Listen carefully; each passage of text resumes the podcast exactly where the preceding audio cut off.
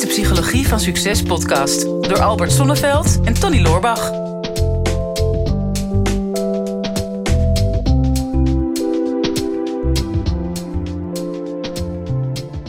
Ehm, nou, we hebben al een tijdje geen ingezonde vragen behandeld, Nee. Tony. Maar dat komt omdat we zelf de ingezonde vraag zijn. En wij, eh, ja, wij hebben zoveel items waar we zelf ook nog meer over willen vertellen. En waar we ook misschien nog meer over willen weten. Dus Mhm. wij horen elkaar een beetje uit over, de, over bepaalde onderwerpen.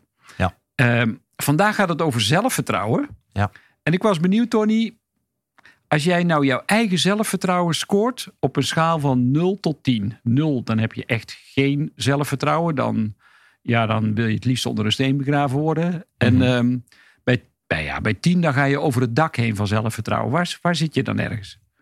Ehm, meestal als wij hier op kantoor mensen dit soort vragen stellen, van geven ze een cijfer, Ja. dan zeggen we er altijd bij als je geen 7 mag geven. Oh ja. Want ik zou nu een 7 gezegd hebben. Dat is lekker veilig.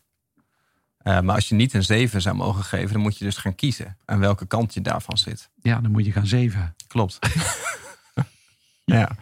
Nou, Ja. ze- zeveren kunnen we genoeg. Ja, zeven wel, ja. De tijd is alweer bijna om en we moeten nog met het onderwerp beginnen. Ja, Ehm, mijn zelfvertrouwen ligt er een beetje aan op welk gebied van mijn leven.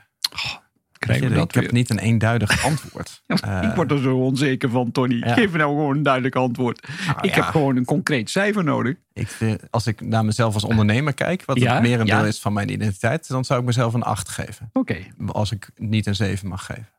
Als ik naar het totale plaatje kijk, denk ik als persoon, zou ik eerder naar een 6 gaan, denk ik, dan een 8. Tony. Ja. Nou, dat verbaast me best wel, eerlijk Ja. gezegd. Ik schrik er ook een beetje van. Nou, daar kan je niet van schrikken. Hoe vaak heb ik wel niet tegen jou gezegd dat ik eigenlijk niet zo heel erg onder de indruk ben van onze eigen podcast. Of Ja. met name mijn rol daarin. Ja, maar dat was ik heb daar wel minder zelfvertrouwen in. Oh ja, oké.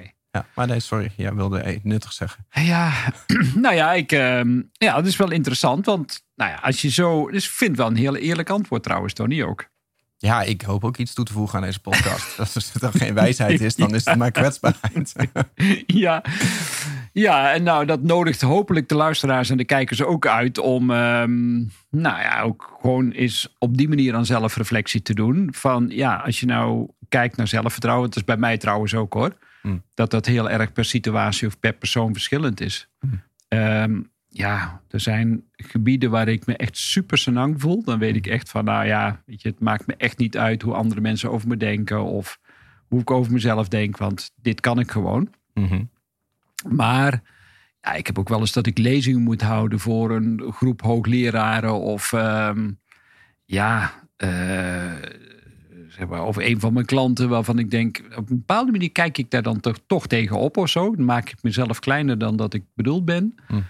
Ja, en dan daalt mijn zelfvertrouwen wel. Ja, wordt het ook een zelfversterkend effect dan? Ja, en dan kan ik honderd keer tegen mezelf zeggen: Maar ik heb dat al zo vaak gedaan en ik heb er al zoveel ervaring in. En een ander heeft dat niet eens in de gaten en bla bla bla. Mhm. Maar toch zit ik dan met klamme handjes, voel ik toch mijn ademhaling weer omhoog gaan, mijn hartslag gaat weer omhoog.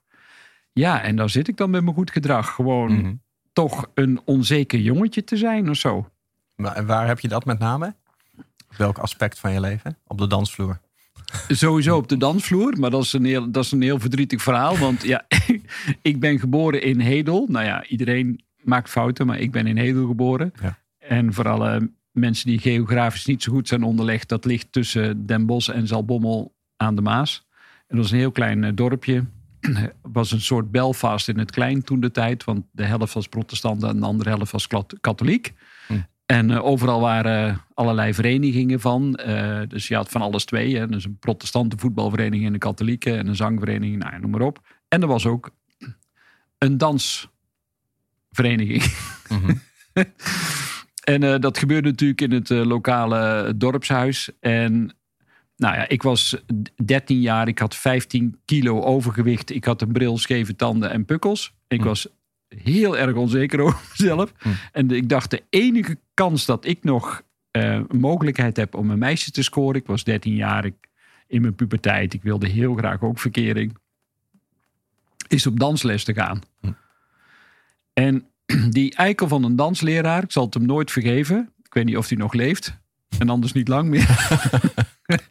is, ehm, dat hij mij dus steeds gebruikte om te laten zien hoe je niet moest dansen. Oh, gelukkig ging die zin Dus- nog verder. Ja. Ja, ja, ja, nee, dat, eh, in die, dat kan in die wereld ook nog. Hm. Maar eh, ja, dat gebeurde dus. Ik werd echt letterlijk en figuurlijk voor lul gezet. Hm. En man, man, man. Ehm, en het, de ironie wil dat de moeder van mijn kinderen eh, altijd gedanst heeft. dus eh, nou ja, in de relatie zag je de poppen natuurlijk, had, had ik de pop ook al aan het dansen.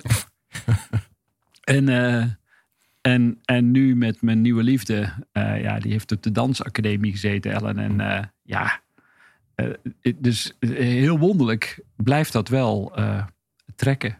Ja, laten, we- laten we dat grapje even liggen. Ja, grappig, wij, gaan, wij zijn een beetje, eh, eh, hoe, hoe noemen we dat, synchroon aan het gaan dan. Is Mijn zo? huidige vriendin is natuurlijk ook eh danseres. Ja. Dus, dus Hebben we ik, het over dezelfde? ja, ja, ja. ik, heb er maar, ik heb maar één. ja, nee, ik bedoel dat we niet dezelfde vriendin delen. Nou, Nee, nee, nee, nee, nou, dat weet ik niet. Ja, misschien hebben we een schuilnaam. ja, Maar dat, is- dat is wel een mooi contrast van... ehm, wij waren een tijdje geleden samen op Ibiza. Ja. Ik kan een extreem zelfvertrouwen hebben als wij eh, rondlopen en we zijn aan het mijmeren over het leven en eh, over de business. Hè, want zij is ook ondernemer, dus dan praat je over eh, dat soort dingen. En dus mijn zelfvertrouwen is door het plafond. Want Hmm. Ja. mijn hele leven heb ik daarop ontwikkeld. Maar ja, vervolgens heeft zij zoiets van, nou, ik wil jou toch wel eens even een keer een dansvloer op hebben. Ja, daar zit niet mijn zelfvertrouwen. dat kan Nee. dan bijna niet lager. Dus ze heeft mij stiekem salsa les gegeven. Maar dat moest wel op de hotelkamer met de gordijnen dicht. Ja. dan eh, zag ik dat niet zo zitten. Nee, nee, nee, Ja. nee. Dus je hebt, je hebt denk ik niet één cijfer. Nee. Universeel. Nee, Nee. nee, dus dat is per persoon en per eh, situatie afhankelijk. Ehm, zelfs mensen die, ehm, ja, ik, ik heb topmensen gezien bij een bank eh, bijvoorbeeld, die, die echt 10.000 mensen aansturen. En, en als ze op het podium moeten, dan staan ze te trillen als een rietje. Mhm. Eh, sportmensen die Olympisch kampioen zijn en, en daarin helemaal uitblinken en dan op een relationeel vlak er een puinhoop van maken. Mhm. Dus dat is mooi, want daar zit eh groeigelegenheid. Ja, want, want hoe pakken we dat aan? Laten we het eens concreet maken. Ik heb dat nu toch al toegegeven in het begin. Hè, dat eh, mijn zelfvertrouwen, als het bijvoorbeeld over deze podcast gaat, scoort, scoort niet boven de zeven. Mhm. Ehm, ik vind het fantastisch om deze podcast met jou te maken. Ja. Maar wij hebben het daar wel, wel eens over. Ik geef jou dat wel eens aan. Hè. Ik, ik ben nog niet zo ervan onder de indruk, met name van, van mijn kant. Vind jou altijd wel sterk. Dank je. Ehm, Wat wil je drinken? Ja. Dank je. Ehm, de, en, en ondanks dat wij hebben veel luisteraars. eh, gewoon dat, we hebben inmiddels, eh, weet ik veel, 3,6 miljoen downloads of zo. Meer al. Ja. Vijf- 15.000 vaste luisteraars eh, per aflevering. We doen dit ook al drie jaar, meer dan Mhm. drie jaar. Dus je zou mogen vaststellen dat mensen het leuk vinden, anders blijven ze niet luisteren. Ik krijg ook heel veel complimenten van mensen. Wordt veel herkend. Eh, op ieder feestje waar ik kom, eh, komen mensen naar me toe en laten ze dingen zien en delen ze van: ik heb dit van jou geleerd. En toch helpt dat mij niet per se Nee. om eh, meer onder de indruk te raken hiervan. Dus hoe pakken we dit aan? Los dit eens even voor mij op. Nou ja, en de, de innerlijke criticus is, is vol aanwezig in, dit, in deze situatie. Hmm. Dus die, ja, je, je observeert jezelf en je vindt van jezelf, nou, dit zou altijd beter kunnen. Hmm. Ja, wat, is het, wat is het voordeel daarvan, van dat kritisch zijn op jezelf? Heeft ook een voordeel, anders zou je het niet doen. Dus is, Mhm. er is een belang. Ehm eh, een stukje zelfafwijzing, denk ik. Nee, Eh, niet zelfbescherming. Mm, Ja, zelfbescherming zeker. als je jezelf afwijst, dan kan iemand anders je niet afwijzen. Ja. Dus zelfbescherming, bedoel Ja. ik te zeggen. Ja, nou, dat is al een hele duidelijke reden. Hè. Mhm. Ehm, ander voordeel is dat je ja, ook jezelf steeds wil verbeteren. Dat is ook een soort, dat is ook inherent aan het leven, dat je wil groeien en ontwikkelen. Dus Mhm. in die zin is het ook fijn om kritisch te zijn op jezelf. Het probleem is alleen, als je onder stress komt te staan, heb je altijd de neiging om daar, waar je op zich goed in bent, om dat te gaan overdrijven. Mhm. Dus als je kritisch bent, eh, dat is leuk.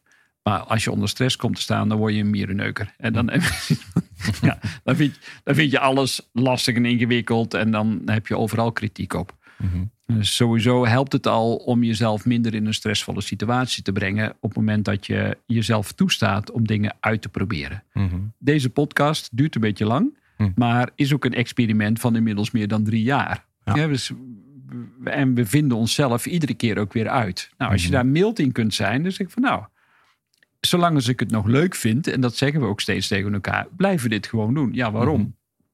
Ja, we hebben daar blijkbaar nog iets in te leren. En dat zeg je ook van ja, ik blijf kritisch, ik blijf scherp op mezelf.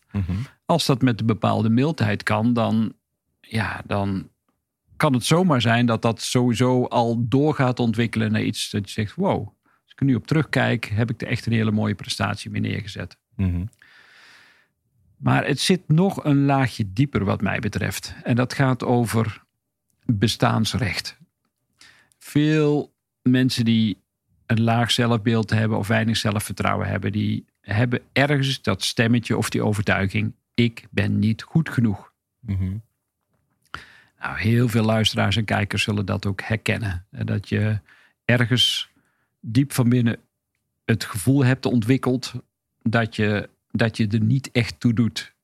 Nou, dat kan 9 van de 10 keer ontstaat dat in al een hele vroege jeugd. Dus dat je moet concurreren met je broertjes en je zusjes. Of dat je ouders niet echt tijd voor je hebben. Of nog erger, je komt op school terecht.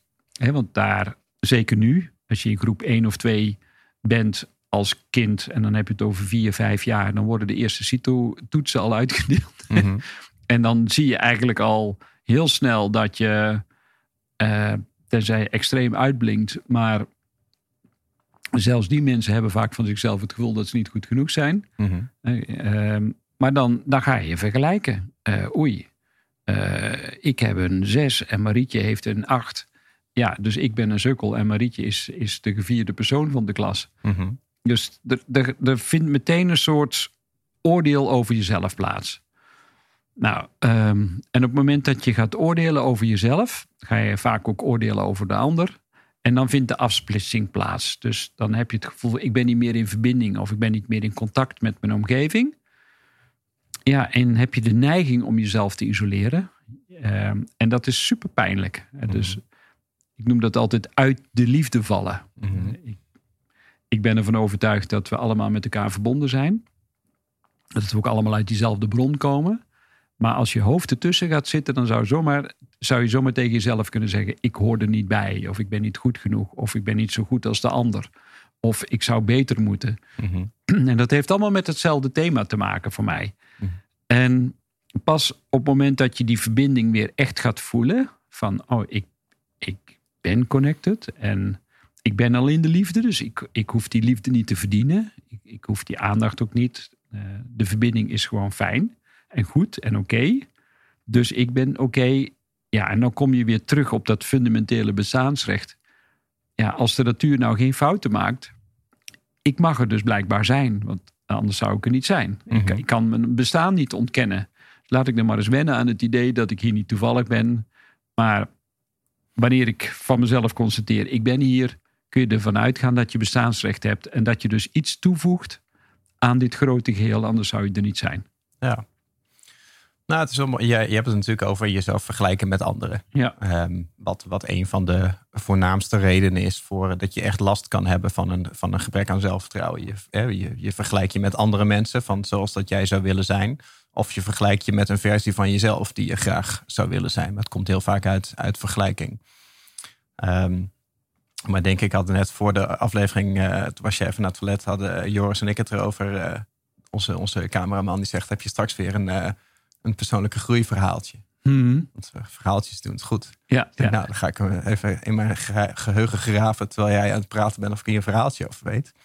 Ehm, ik heb er ooit een verhaaltje over gelezen over een, ehm, over een kraai. Want eh, ging dat ook alweer? Er was ooit een kraai en die kraai die ontmoette een zwaan. En een Ah. kraai is zwart. En een kraai zag die zwaan en mooi stralend wit. Oh, oh, dat was bijna de laptop. Stralend wit, stralend licht. Waardoor die kraai zoiets had van, ja, weet je, ik ben zo donker zwart en die zwaan is zo mooi stralend wit. Mhm. Ik ga daar eens met die zwaan over praten. Van, goh, wat, jij moet toch wel ontzettend gelukkig zijn dat je geboren bent met zoveel licht en uitstraling. Hè? Op die zwaan zegt van, ja, ik was er altijd heel tevreden mee. Ehm, tot ik op een gegeven moment een eh, papegaai ontmoette. ja. En een papegaai die had eh, twee kleuren in plaats van één. En eh, ja, dat, ja, dat is natuurlijk twee keer zoveel. Hè? Het straalt. Ondanks dat alle kleuren in wit zitten, maar dat stond er al niet bij.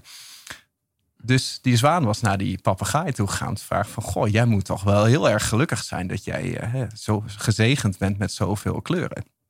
Wel, die papegaai zei van... ja, ik was altijd heel gelukkig met hoe ik eruit zag... Uh, totdat ik een keer een pauw ontmoette. Ja. En uh, ja, ik zag die pauw en dat was echt gewoon de, de, ja, beetje de manifestatie van de natuur... van uitstraling en pracht en praal. En toen ik dat zag, toen was ik niet meer zo tevreden over mezelf. Want toen wilde ik dat ook. Dus die papegaai ging naar die pauw toe om te vragen van... Goh, jij moet toch wel heel erg gelukkig zijn hè, dat je zo geboren bent. ja, en die pauw die had zoiets ja, ik was altijd heel erg gelukkig... totdat mensen mijn pracht en praal begonnen te zien... en dat zo mooi vonden dat ze me hier opgesloten hebben in de dierentuin... om daar elke dag naar te kunnen kijken... waardoor ik mijn vrijheid niet meer heb. Dus als ik zou mogen kiezen, dan was ik liever een kraai... die gewoon vrij uh, ongestoord kan rondvliegen. En uh, dat staat zo voor jezelf vergelijken met andere mensen. Je hebt altijd het idee dat andere Hmm. mensen het beter voor elkaar hebben. Ook als het gaat over een tekort aan zelfvertrouwen. Sla de statistieken daar maar eens op na. Zeker bij jongeren. Hè? Zeker als het over uh, jonge meiden tussen de 16 en 22, volgens mij heb ik laatst een stukje over gelezen, is 84 procent uh, blijft wel eens thuis van een sociale activiteit vanwege een tekort aan zelfvertrouwen. Is 84 procent. Dus bijna iedereen heeft wel te kampen met een tekort aan zelfvertrouwen op, op een vlak. Hè? En uh, ik geef het natuurlijk ook aan. Ik heb dat in mijn bedrijf heb ik dat helemaal niet. Uh, in deze podcast heb ik dat bijvoorbeeld meer. En er zijn ook nou, dingen zoals een dansvloer waar je mij neerzet, waar dat helemaal weg hebt. En je bent nog steeds dezelfde persoon, maar het ligt maar net waar je je mee vergelijkt. Daar ligt het aan. En of je focust op datgene wat er wel is. He, dus er is altijd wel een onderdeel in je leven waar je wel het zelfvertrouwen hebt, waar je wel heel sterk bent. Maar omdat je dat al kent, gaat je dat op een gegeven moment misschien vervelen. Of denk je, daar zit mijn groei niet. En dan heb je de neiging om andere dingen te gaan doen. Of je met andere mensen te gaan vergelijken die heel iets anders kunnen dan jij. En ja, dan wil er nog wel eens een klein beetje zelfkritiek insluipen. Ja, ja. ja, ik zat al te denken, geen haan die er naar kraait. Maar ja. dat is... God, dan zit je nou echt volle vijf minuten zit je dat in te houden. Hè? Ja, je pak jij maar eens een handdoekje. Ja, ja luisteraars zien dat niet, maar de kijkers... Tony is zo emotioneel geworden dat zeg maar de halve tafel is nat geworden. Ja, ja, precies. Nou ja, echt gewoon van alle gemakken voorzien hier. Nee, wat, um, ja, de takeaway denk ik wel in dit verhaal is... Uh, ja, stop met jezelf te vergelijken. Um, of... Um, dat is natuurlijk een, een erg makkelijk, want dat, ja, dan kun je wel zeggen, ja, oké, okay, dan doe ik dat niet meer, maar dat doe je toch. Mm. Daar ontkom je niet aan. Maar omring je wel vooral met, met een aantal gelijkgestemde mensen, zou ik zeggen. Want dan, mm-hmm. dan wordt het minder pijnlijk. Je hoeft jezelf ook niet steeds te forceren om in allerlei moeilijke situaties terecht te komen. Tenzij je daar zelf voor kiest. Maar dan mm-hmm. neig je richting masochisme, denk ik. ja, mag zelf, ook. Mag ook. Zo goed kun je zelf ook weer meewikkelen. Ja. ja. Ja, en, um, en op het moment ook dat je, dat je net je mindset wat verschuift naar oké, okay, uh, de mildheid, compassie hebben met jezelf, vriendelijke aandacht.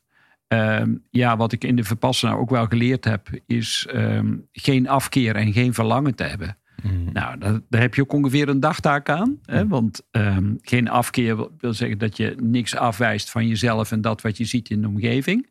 Nou, er zijn natuurlijk best wel veel dingen uh, als je gaat oordelen dat je dat ziet over jezelf. En geen verlangen, want daar, daar zit vaak ook al iets in van ja, ik wil iets hebben wat ik nu nog niet heb. Of ik wil iets zijn wat ik nu nog niet ben.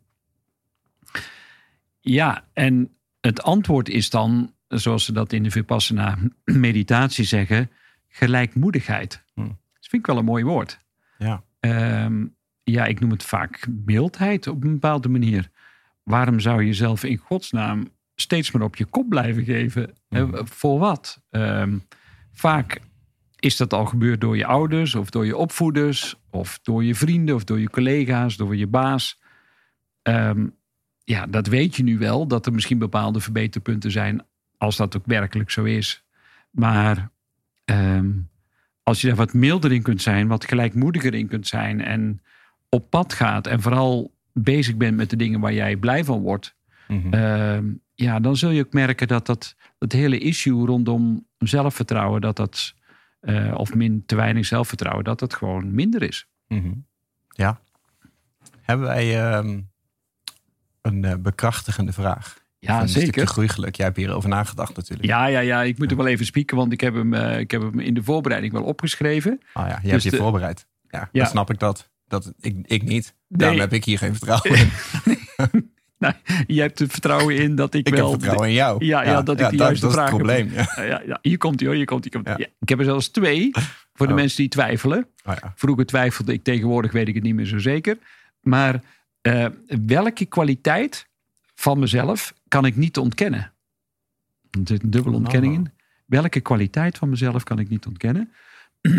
En als dat een beetje te ingewikkeld is voor mensen, kun je ook zeggen: welk onbewust belang heb ik nog om mezelf klein te houden? Onbewust belang heb ik nog om mezelf klein te houden. Ja. Nou, ik vind die eerste makkelijker, denk ik. Ja. Ik had er ook eentje opgeschreven, namelijk meer voor het groeigeluk als, als soort van opdracht. Ja. Ehm, en het past hier wel bij. Van, hè, schrijf eens een brief aan jezelf. Waar je jezelf becomplimenteert op alles wat je in je leven bereikt hebt. En alles wat je bewondert aan jezelf. Ja. Ehm, daar, past, daar past die eerste vraag wel bij. Ja. Welke kwaliteit van jezelf kun je niet ontkennen? Ja. Ja. Mooi, is leuk. Ja, nou, dat we- superleuk. Ja, daar hebben we toch weer op elkaar afgestemd.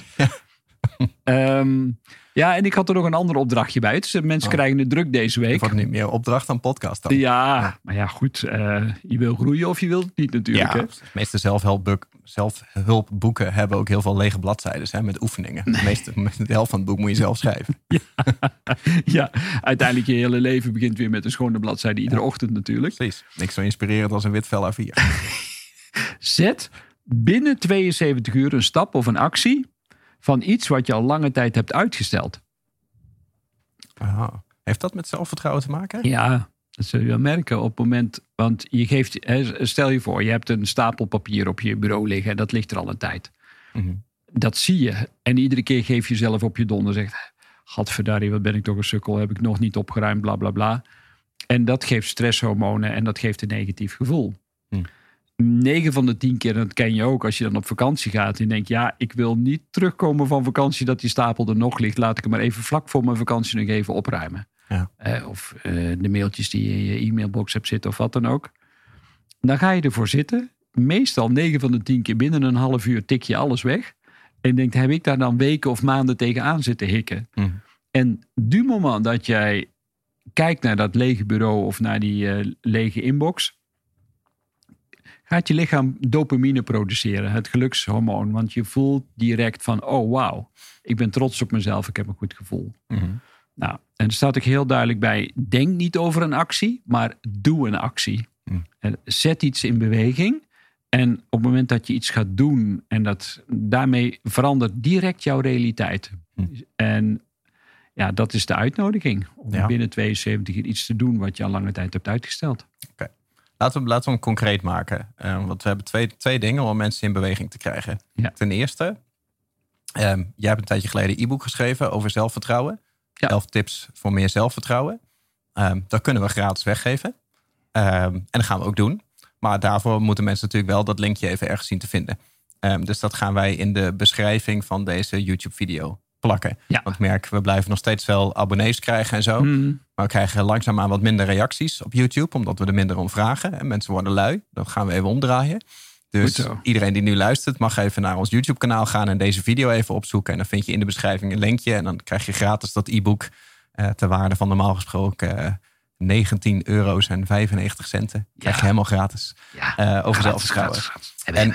Als je er dan toch bent, dan is het wel leuk om die commitment, om die even in de reacties te zetten. Hè? Dus wat jij aangeeft van wat eh, ga binnen 72 uur iets doen wat je al langere tijd hebt uitgesteld. Mhm. Om dat even in de reacties aan te geven wat datgene is. Leuk. Want eh, als je dat deelt, dan wordt de kans dat je het gaat doen natuurlijk nog, nog groter. Want het is een soort van publieke commitment. Heel goed. En het is zeer inspirerend voor anderen die dat ook lezen. Denken, oh ja, god, dat Ja. zou ik ook wel eens kunnen doen. Dus ja, ik denk dat we hier weer heel veel mensen mee kunnen helpen. Ja. Heb je, als je nu terugkijkt op deze podcast, Tony, heb je een beetje vertrouwen in dat dat wel landt bij de luisteraars en kijkers? Ik heb altijd wel vertrouwen in andere mensen. Alleen niet in mezelf. Dat was het hele probleem. Nee, ik heb er zeker wel vertrouwen in. Ik vind het ook een hele mooie eh, bekrachtigende vraag die je stelt. En dat zou natuurlijk ook nog kunnen. Hè, dat je, als je in de reacties dat wil plaatsen. Je mag ook twee reacties plaatsen. Hè, Mhm. Met eh, die vraag. Hè, wat, welke eigenschap aan mezelf kan ik niet ontkennen. Of welk talent, of hoe je het wil benoemen. En schrijf even iets moois over jezelf op in de reacties. Dan wordt het een soort van roze wolk in de reacties. Dus dat vind ik, vind ik wel leuk. Heerlijk. Eindelijk positief nieuws op internet. Ja, precies. Laten, we, laten wij het begin zijn daarvan. Dit is de Psychologie van Succes podcast door Albert Sonneveld en Tony Loorbach.